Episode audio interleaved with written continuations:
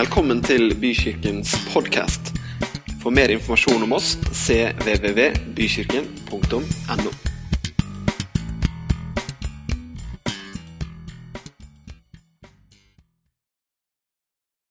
Herre, vi takker deg for at du er trofast.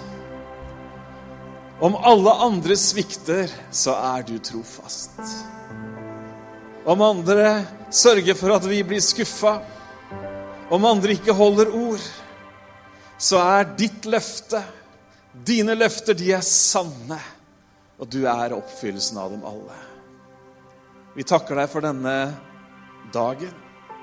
Takker deg for denne muligheten til å komme sammen. Og så ber vi deg, Herre, om at du skal snakke inn i hjertene våre, inn i livene våre. Vi ber om at du skal gjøre ditt levende ord, din sannhet, levende for oss. Amen. Amen. Vær så god og sitt ned.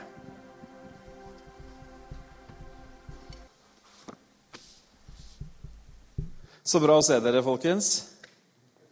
Håper at eh, det er bra med deg.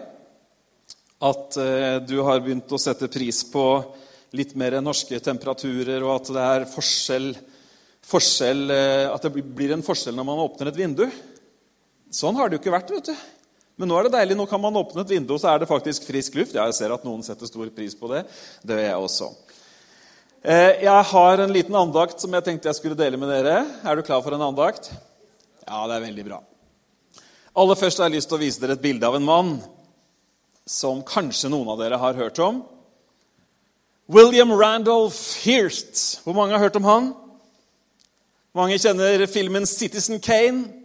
Ja, mange gjør det også. En av de viktigste filmene i vår historie. Skal fortelle, jeg skal ikke fortelle hele historien om han. Han var en stor eh, mediegründer og medieeier i USA. Enorme rikdommer. En av de som står bak det vi kaller for den, the yellow press. altså det der sensasjonspregede, ikke nødvendigvis så grundige journalistiske arbeidet. Og han var en som ble portrettert i denne filmen ikke særlig flatterende. Han gjorde alt han kunne for å stoppe denne filmen. Men denne mannen var svært rik. Han bygde et slott på en kjempestor gård i California. Og han eh, brukte penger på noe som eh, ikke er så uvanlig å bruke penger på hvis du har veldig mye av det. Han samla kunst. En dag så sitter han og så ser han en omtale av en kunstgjenstand i et blad en eller annen form for trykksak, så ser han dette. Og så sier han til en av sine ansatte 'Denne skal jeg ha til min samling.' Denne vil jeg ha. Eh, de ansatte de begynte å gjøre undersøkelser. Det var folk som var ute på reise i månedsvis. De sjekka ulike steder. Men de kunne ikke finne denne gjenstanden, som var omtalt.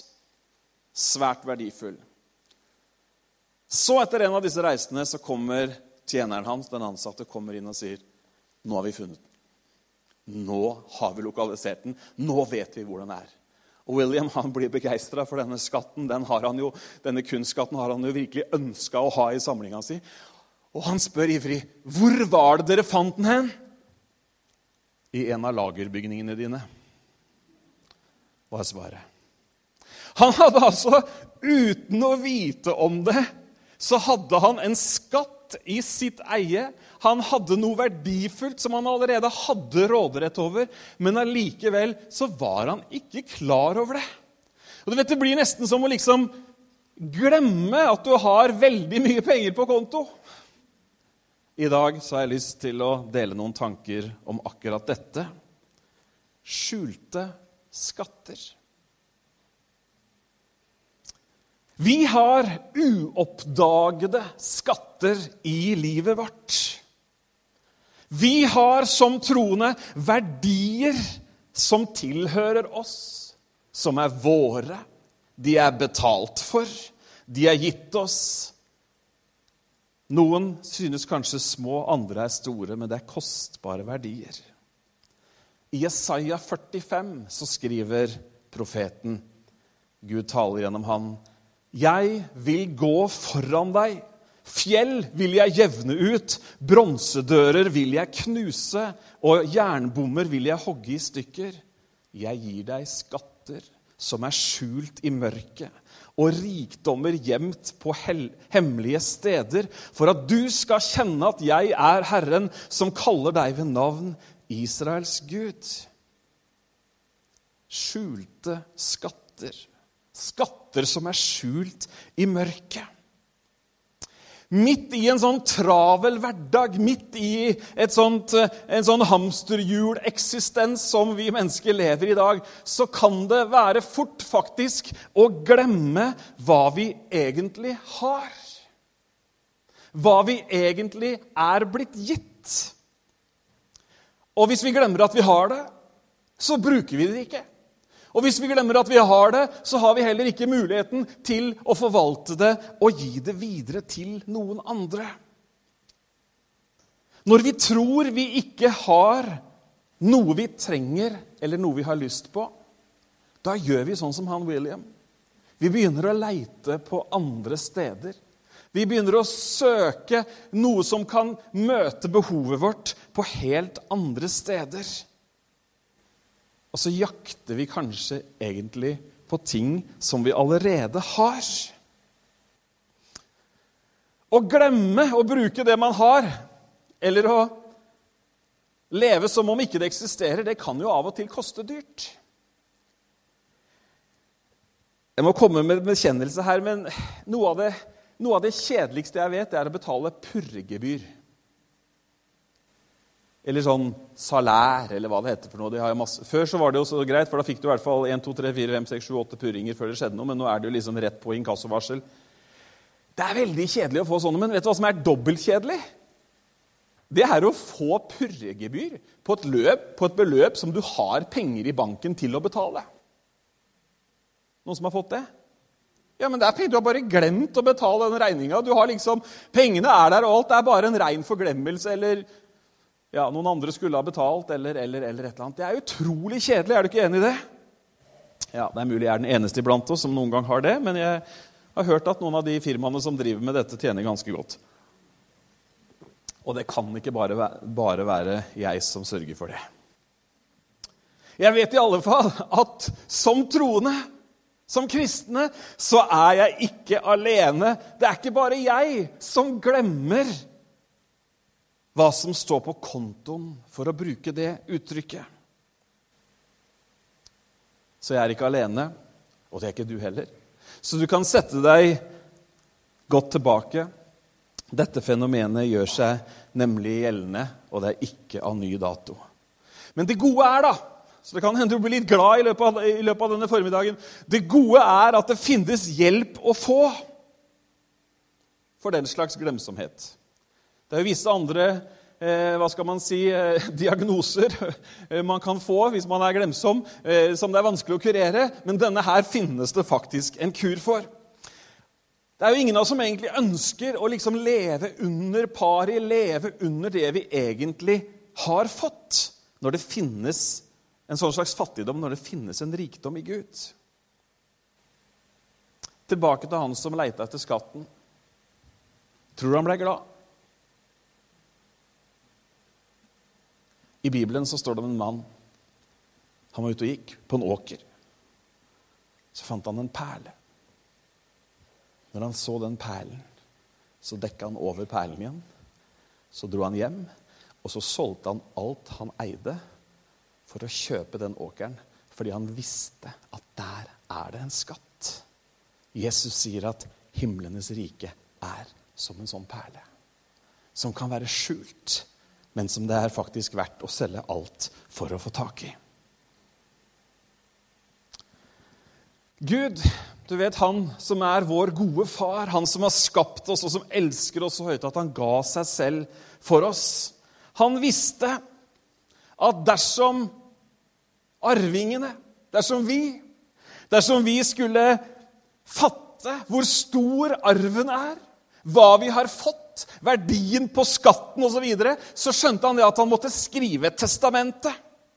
Og så Derfor så er det liksom med glede, takknemlighet og nysgjerrighet at troende åpner testamentet sitt gang på gang, dag etter dag, uke etter uke. For her beskrives nemlig arven. rikdommen, den skjulte skatten. Men uten at det testamentet åpnes, og at man leser hva som står der, så har man ingen nytte av det. Vi har sikkert alle hørt historier om testamenter som har blitt funnet, som man ikke visste at eksisterte. Jeg går jo og håper at det finnes en eller annen sånn fjern slektning som har skrevet et testamente som ingen vet om, som noen snart finner og åpner. Er det flere med meg, eller har du bare gått over til Lotto? Ja. I mitt tilfelle så tror jeg det er større sjanse på Lotto enn at det skal dukke opp et sånt testamente. Men man vet aldri. Folk kan testamentere alt mulig rart. Det som er litt trist, dere, det er at noen har liksom fått testamentet til å høres ut, altså vårt testamente, som baksiden av medaljen. Det er liksom fint med troen på Jesus og fellesskap, og man kan dukke innom kirka, eller dukke opp i kirka innimellom osv. Og, så Jo da, det er jo en evighet og en himmel, og vi havner jo sikkert der. Og så har dette med testamentet vårt og det vi har fått, det har liksom blitt redusert til en sånn kristelig disiplin. Du må lese din bibel. Er du med på tanken? Du må det, du må det. Og så har det liksom blitt en sånn disiplinær øvelse som man forsøker å skape ulike, motiva altså ulike motivasjonsveier inn for at folk skal lese et bibelvers eller to. Det er jo ikke det som er tanken. Det er jo ikke sånn at nå kom han for å ga oss et nytt Jeg har kommet for å gi dere nytt liv. Dere er nye skapninger i meg. Halleluja. Alt det gamle er borte. Amen, sier man da. Men så er det en liten hake ved dette tilbudet, dere. Haken ved tilbudet er at det finnes en bok som heter Bibelen. Den er svart, og den er tjukk, og det er ingen bilder, og den må dere lese litt i. Men hvor mange skjønner litt hva jeg mener? Det er sånn det ofte har liksom nærmest blitt fremstilt. Men dette her er jo testamentet vårt. Det er jo her de skjulte skattene finnes. Derfor så sier Jeremia i kapittel 15 og vers 16.: Jeg fant dine ord og spiste dem. Dine ord ble til fryd for meg og en glede for mitt hjerte, for ditt navn er nevnt over meg, Herre herskarens Gud. Det var ikke sånn 'uff da' fra Jeremia. Nå, nå må vi lese et kapittel. Nei, jeg fant dine ord. Jeg spiste dem. Jeg tok dem til meg, og det ble til fryd for meg. Hvorfor? Fordi at du blir så glad av å lese? Nei, fordi på grunn av det du leser. Det du står der. Det som står der. Ok, tilbake til oss igjen, da. La oss eh, lese noen skriftsteder sammen. I Romerbrevet kapittel 1 og vers 9 så står det Gud selv, som jeg av hele mitt hjerte tjener med evangeliet om Hans sønn, er mitt vitne på at jeg alltid husker på dere i mine bønner. Det er Paulus som sier dette. Og i brevet til efeserne så står det i kapittel 6 og vers 8.: Gjør dette i bønn, og legg alt fram for Gud Be alltid i ånden. Våk og hold ut i bønn for alle de hellige, også for meg. Be om at de rette ordene må bli gitt meg når jeg skal tale, så jeg frimodig kan gjøre evangeliets mysterium kjent, det som jeg er sendebud for, også mens jeg er i lenker. Be om at jeg ved evangeliet får frimodighet til å tale slik jeg skal alltid husker på dere i mine bønner. Våg og hold ut i bønn for de hellige. Hvorfor kommer Paulus med sånne oppfordringer? Det høres jo nesten litt rart ut. Hvorfor sier han ikke 'be for de som ennå ikke har kommet til tro'? Hvorfor sier han ikke det? Han forteller derimot at han ber for de troende. Han ber for oss. Hvorfor det? Jo, fordi at vi glemmer hva vi har fått. Vi har ikke skatten for øye. Og vi skal lese et par andre steder hvor han ber. Så bli be meg til brevet som Paulus skriver til bergenserne. Nei, kolosserne. Kolosserne, og det tror jeg ikke at du får på veggen, så da må du slå opp sjøl. Det er i Kolossebrevet kapittel 2.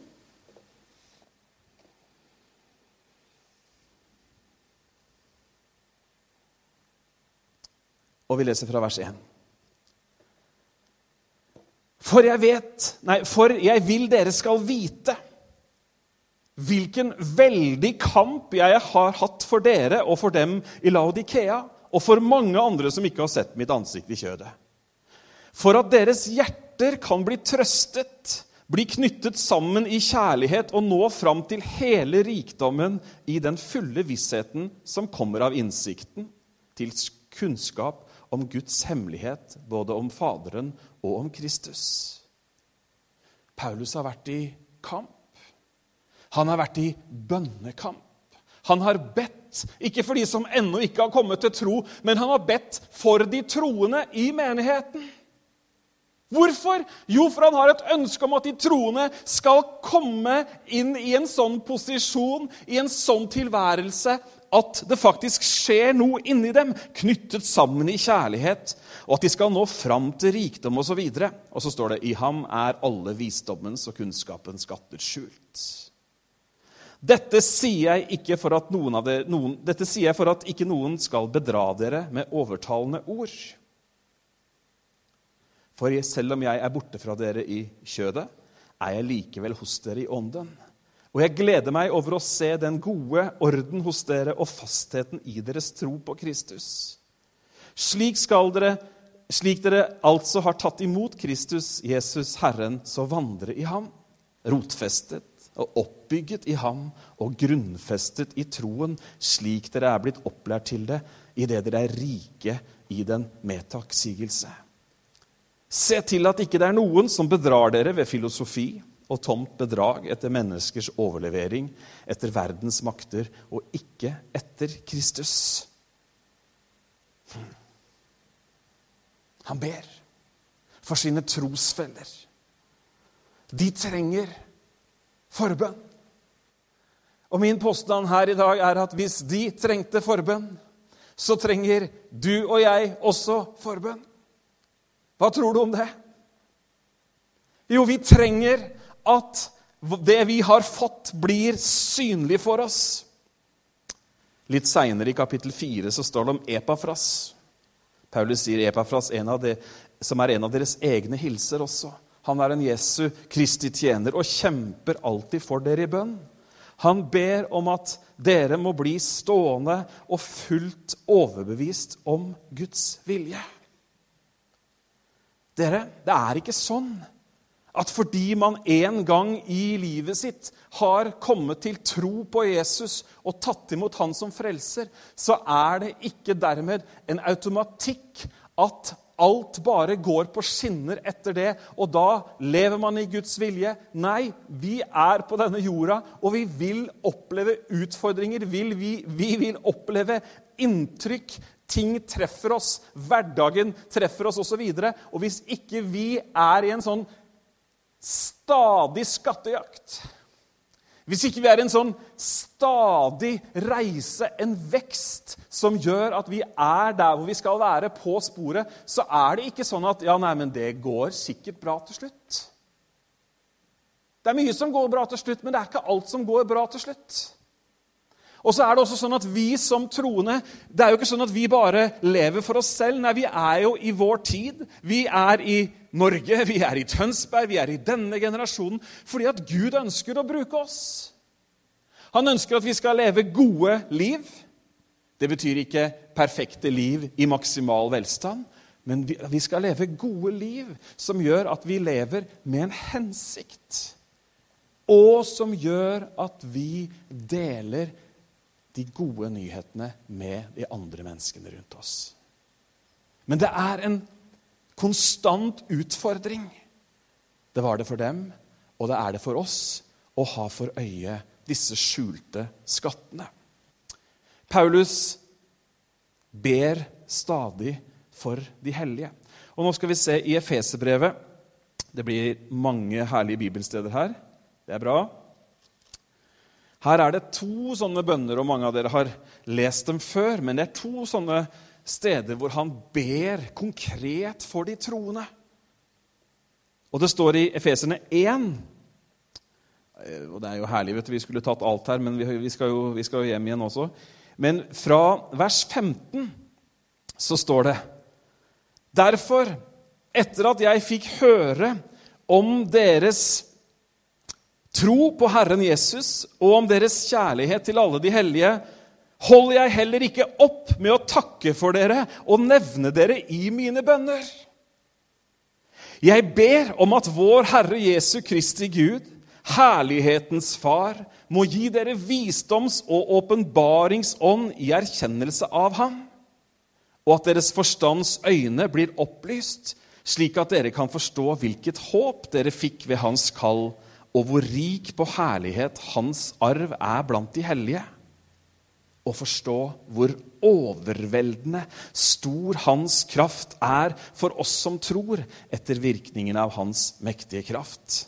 Det var den han lot virke i Kristus da han reiste han opp fra de døde og satte ham ved sin høyre hånd i den himmelske verden høyt over all myndighet og makt og kraft og herredømme, og over hvert navn som nevnes, ikke bare i denne tidsalder, men også i den kommende. Og han la alle ting under hans føtter og gav ham til menigheten som hode over alle ting. Menigheten som er hans legeme, fylden av ham som fyller alt i alle. Hmm.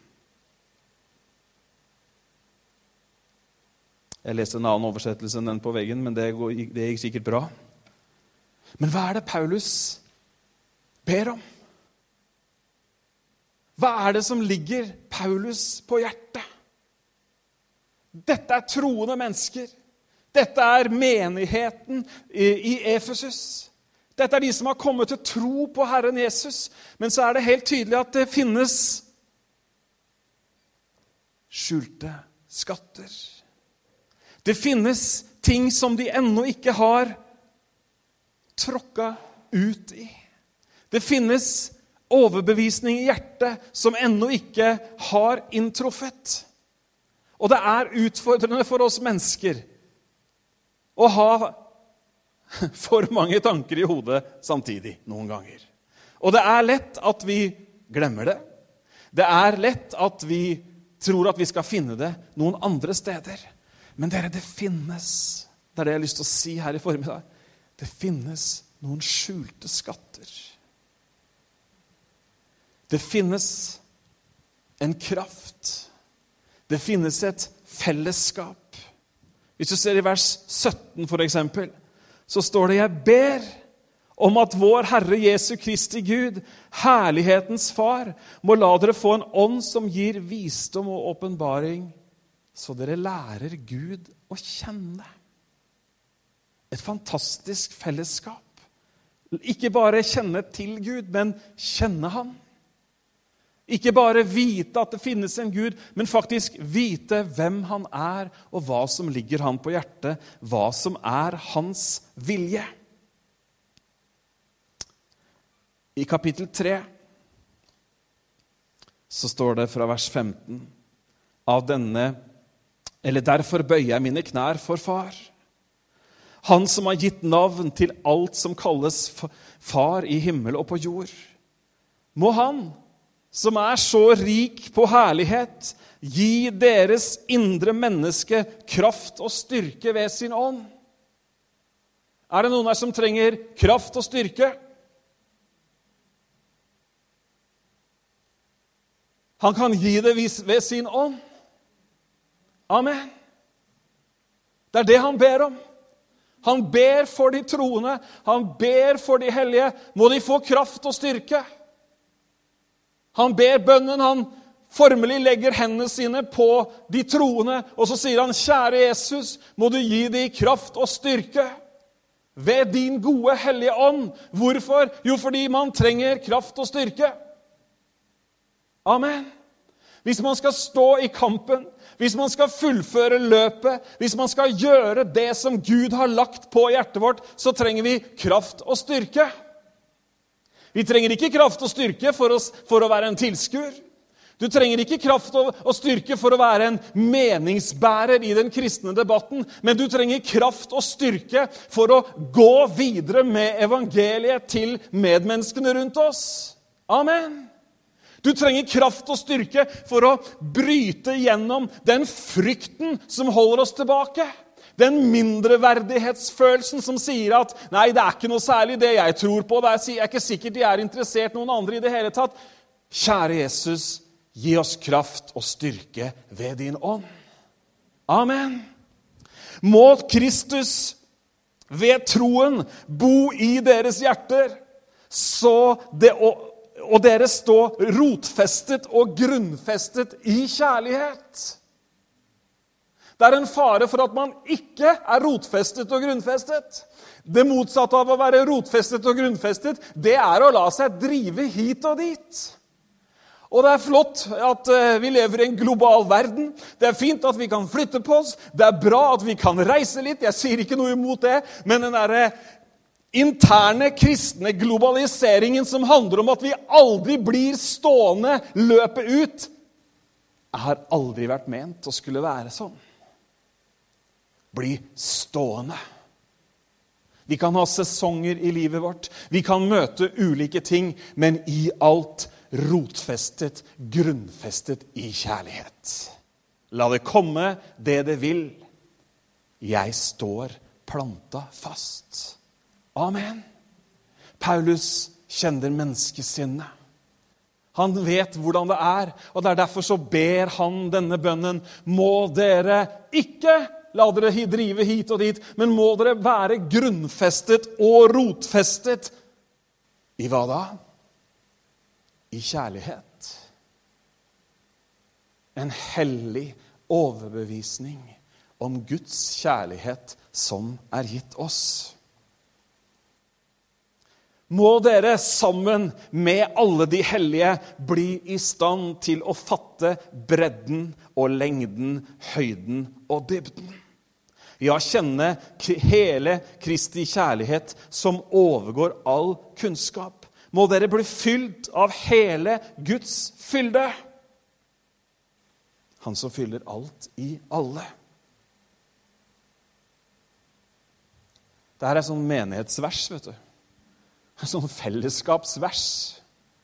Det her er sånn motsatt. Det er, det, det, det er, ikke sånn individualistisk vers, det er litt sånn kollektivt. Det er sånn så du trenger de andre for å fatte hvor stor Gud er. Du trenger fellesskapet med de andre, fordi at den åpenbaringen, det lyset du har, er sikkert veldig bra, men det er bare en brøkdel av hele bildet. Amen. Vi trenger hverandre. Derfor så ber han om at vi sammen med de hellige skal være i stand til å fatte alt. Han som virker Det kunne nesten stoppa der. Han som virker. Han virker. Han som virker. Jesus ber til Nei, Paulus ber til han som virker. Nå ber jeg deg for de hellige Efesus, kjære Herre Jesus. Jeg ber at du som virker, han som virker i oss med sin kraft Det er godt at det er hans kraft, er det ikke det? Skal vi lukke øynene og ha sånn stille bekjennelse for mange som har prøvd i sin egen kraft? En, to, tre.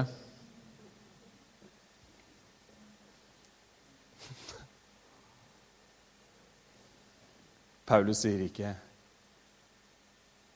'ta dere sammen'. Han sier ikke 'try harder'. Men han ber om at han som virker, skal virke med sin kraft inni livene. Det er det du og jeg trenger. Kraft fra det høye. Skjulte skatter. Han som virker i oss med sin kraft og kan gjøre uendelig mye mer enn det vi ber om og forstår.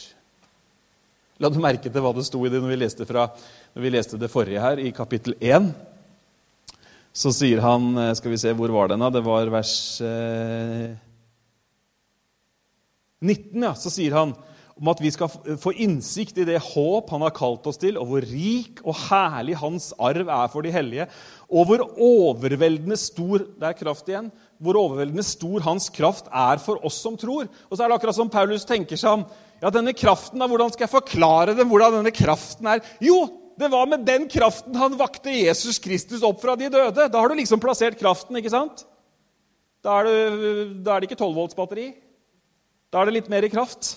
Det var den kraften. Er ikke det her herlig av dere? Dette er skattene våre. Dette er det som vi kan få oppdage, det er dette som vi kan få leve i. Han som virker i oss med kraft og kan gjøre uendelig mye mer enn det vi ber om og forstår. Han være ære i Kirken og i Kristus Jesus gjennom alle slekter og i alle evigheter. Amen. Skjulte skatter. Hmm.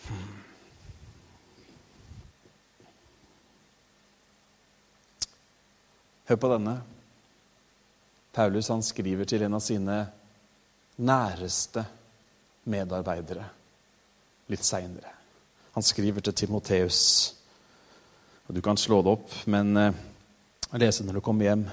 Men han skriver til sin gode venn Når jeg ustanselig husker deg i mine bønner dag og natt. Hvis Timoteus trengte bønnedekning hvis Timoteus trengte at det var en som ba for ham Og det var ikke bare gode tanker. Nei, han ba for ham.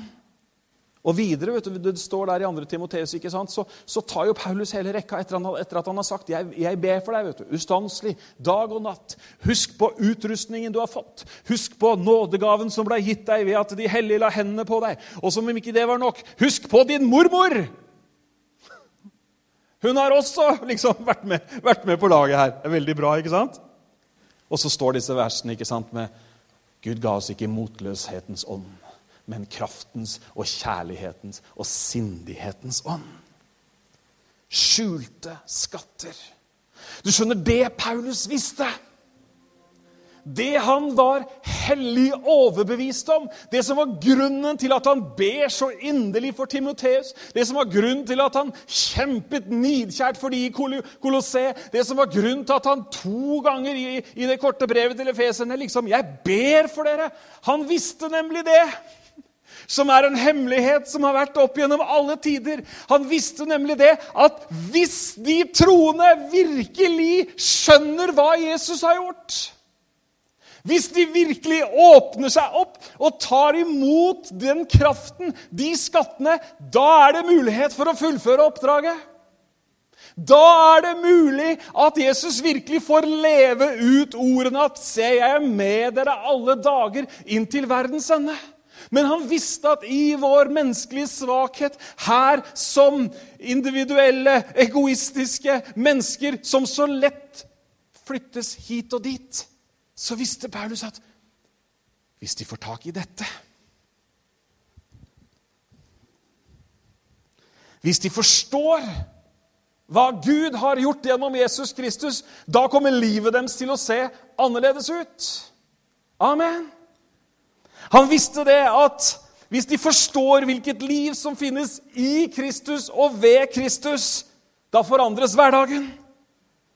Og han visste hvilke enorme ressurser en troende som ser dette, utgjør for Guds rikes framgang. Skjulte skatter.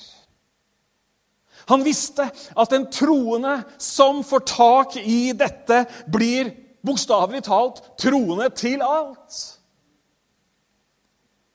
En slik troende kan være en etterfølger av Jesus og gjøre det som Jesus sa, og dere skal gjøre de samme gjerninger, ja, større enn de jeg gjør, for jeg går til Faderen. Ja, hvordan er det mulig, da? Uten å ta seg sammen kraftig? Jo, det er mulig når vi ser at arven vår er uten begrensning. Det er mulig når vi ser at det finnes skjulte skatter. En slik troende skjønner at han eller hun har en posisjon som forandrer alt man kan møte i livet. Jeg har noen ganger i livet møtt mennesker som har møtt, for å bruke samme ordet, veldig mye mer enn det jeg har møtt av motgang, av utfordring, av forfølgelse, av trusler. Og så har det slått meg at de midt i denne situasjonen utstråler en overbevisning, en trygghet, en fred, en glede og et håp som gjør at det bare Hvordan er det mulig?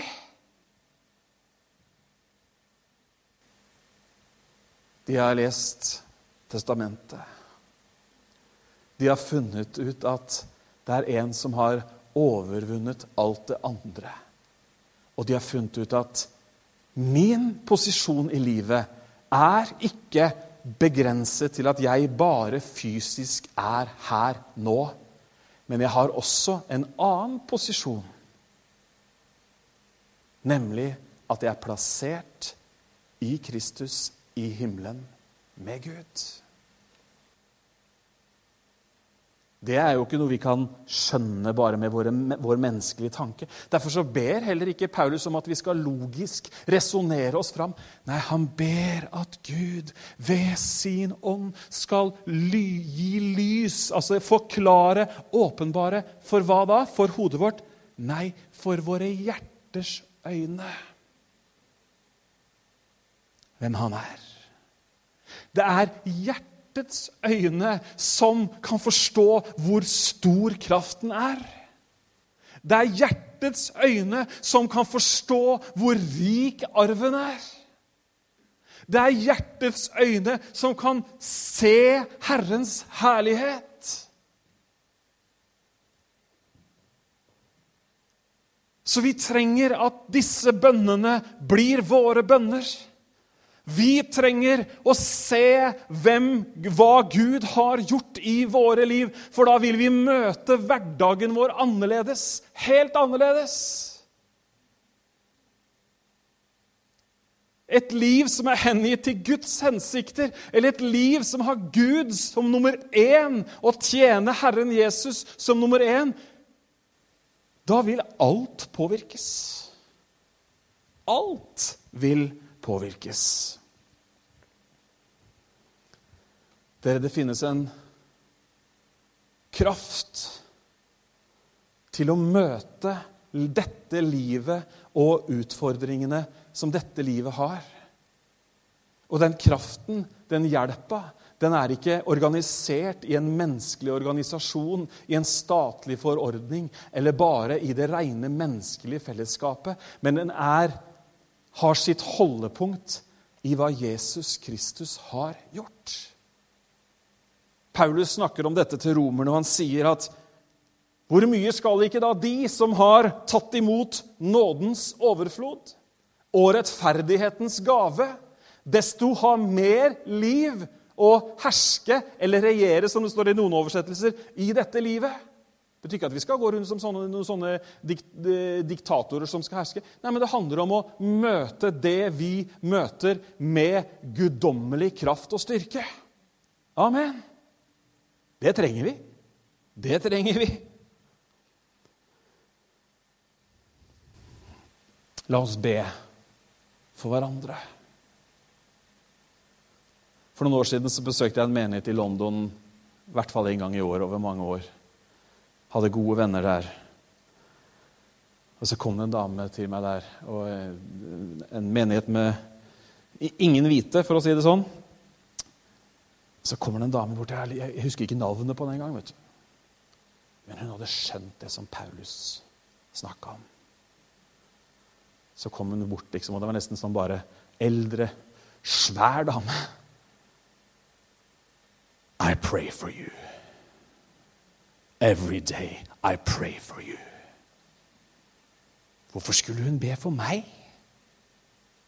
Visste jo ingenting om meg. Hun hadde skjønt at i dette riket så trenger vi noen og mange som bare er i denne bønnen. Og jeg er sikker på at hun ba vet du, på sånn eh, fantastisk London-engelsk som hun hadde.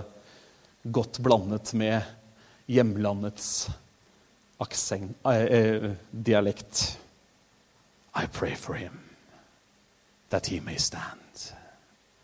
I pray for him that he may continue. Jeg syns jeg hører henne. Og det gjorde ikke bare et inntrykk i øret og hodet, men det gjorde et inntrykk der.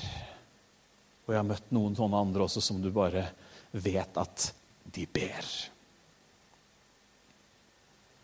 Det er ikke alltid vi føler for å be for andre. Spesielt ikke hvis de har gjort et eller annet de ikke skulle ha gjort, eller sagt et eller annet de ikke skulle ha sagt. Nå sier Bibelen da at vi skal velsigne de som forbanner dere, og be for den som mishandler dere. Eller en annen oversettelse står det eller de som utnytter dere på noensinnes måte. Ofte så sentrerer jo vi våre bønner rundt oss selv og våre egne behov. Men når vi går et hakk videre og ber for de hellige, ber for de andre troende, så er det et tegn på åndelig modenhet. Paulus hadde mange ting i eget liv han kunne sentrert bønnene sine rundt. Men det kommer som regel som en sånn der liten 'husk på meg', da, dere. Byrden hans er må de troende få se de skjulte skattene. Må de åpne testamentet, må de åpne kontoen, må de bruke det som faktisk er gitt.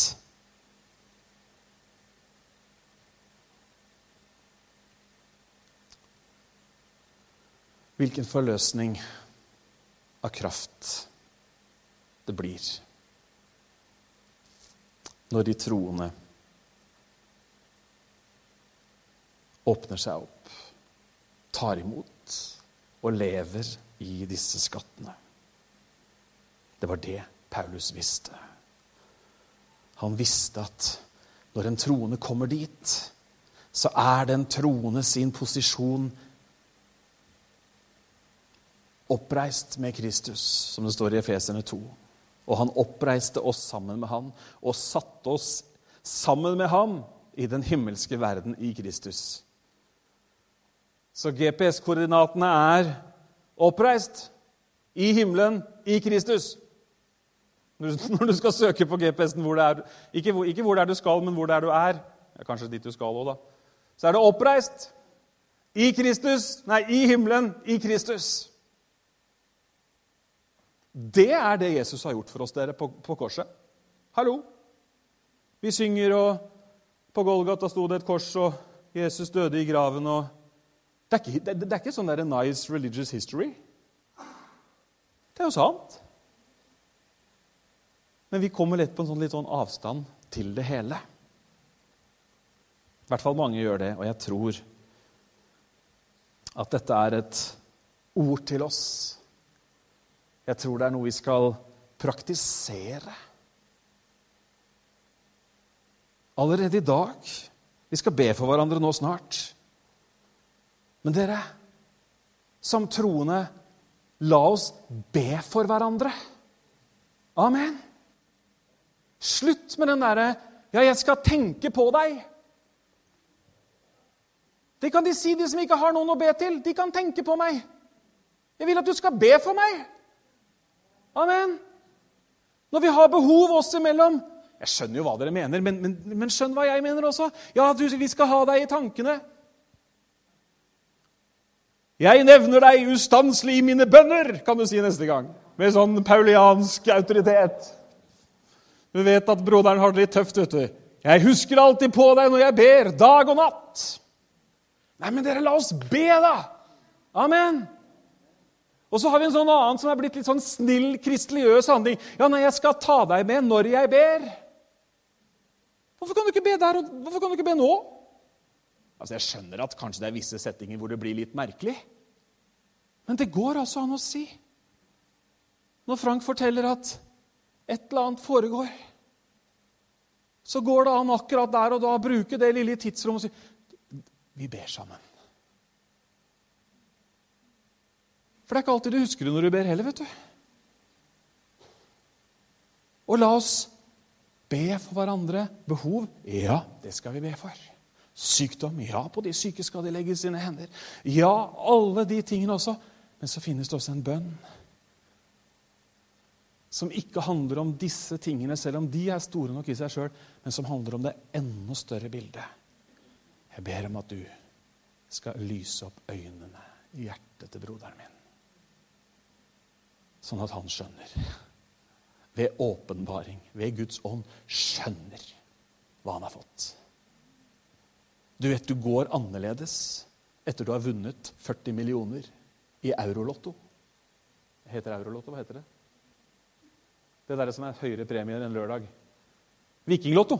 Vikinglotto. De har høyere 60 millioner, var det du vant? Ja. Man går, man går annerledes da. Det er ikke pengene som er poenget.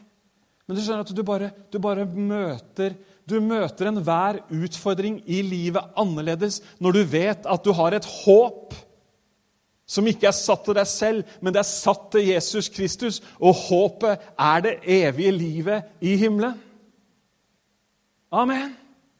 Da blir du som Paulus når ånden fortalte han at hvis du stikker til Jerusalem, så blir det fengsel, det blir lenker og kjettinger står det i apostlenes gjerningen.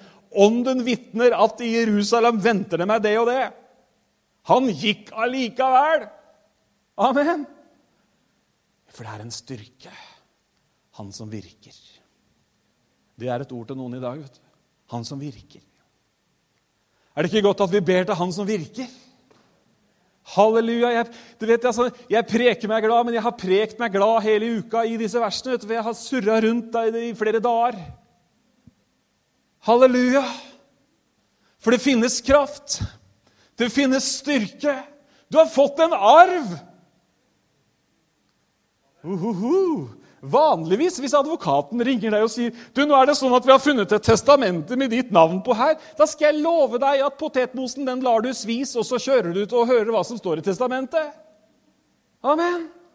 Da kan det hende at tippekampen må vente. Da kan det hende at håndballtreningen blir utsatt. Da kan det hende at alt mulig annet bare Unnskyld meg, men hva står det her? Jo, her står det at det du skylder, det er betalt. Her står det det at skammen som du har båret, har en annen overtatt. Her står det at det du har stått overfor, er det noen annen som har overtatt og løser. Amen. Du blir jo glad av den slags. Men hodene våre er fulle. Kalenderne våre er fulle. Testamentet, det er der. Testamentet som sier at én har betalt den aller høyeste prisen. Testamentet som sier at det er en pant på den arven du har fått, og det er Den hellige ånd.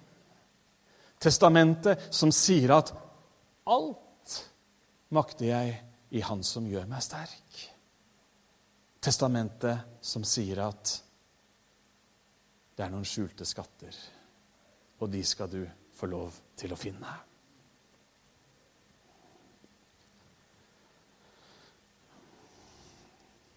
La oss be for hverandre.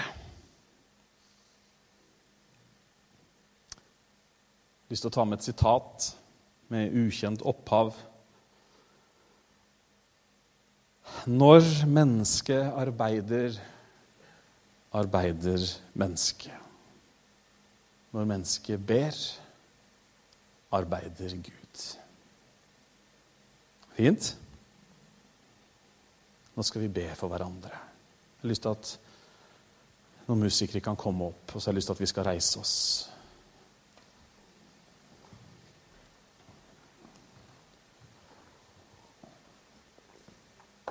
Og så skal vi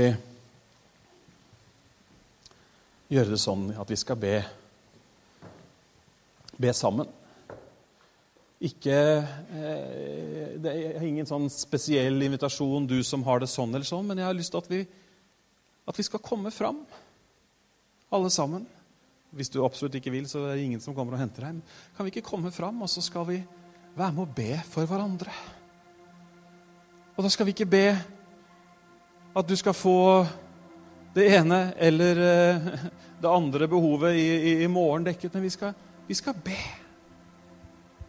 om at hjertets øyne skal få lys. Vi skal be om at vi skal forstå hvor overveldende stor hans kraft er for den som tror. Så kan vi ikke bare, mens vi spiller litt, kan vi ikke bare komme fram, og så er vi med å velsigne hverandre. Ber denne bønnen for de andre som er hellige. Så legger vi hendene på hverandre, og så ber vi. Amen.